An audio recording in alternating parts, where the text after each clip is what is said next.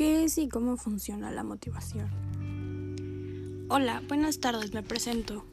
Soy Valeria del primero 4 de la preparatoria oficial número 7.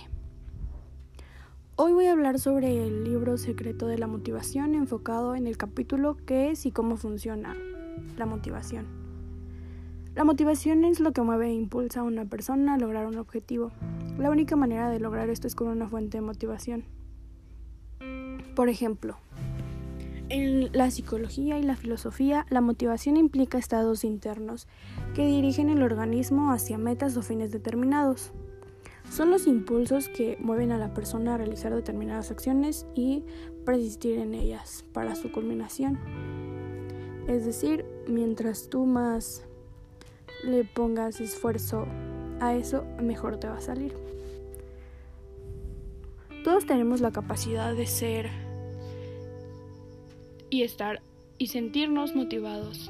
El ser humano es la única especie sobre este planeta que es capaz de automotivarse. Este mismo es capaz de provocar pensamientos que detonen su motivación. Depende de los intereses de cada persona en enfocarse en su motivación.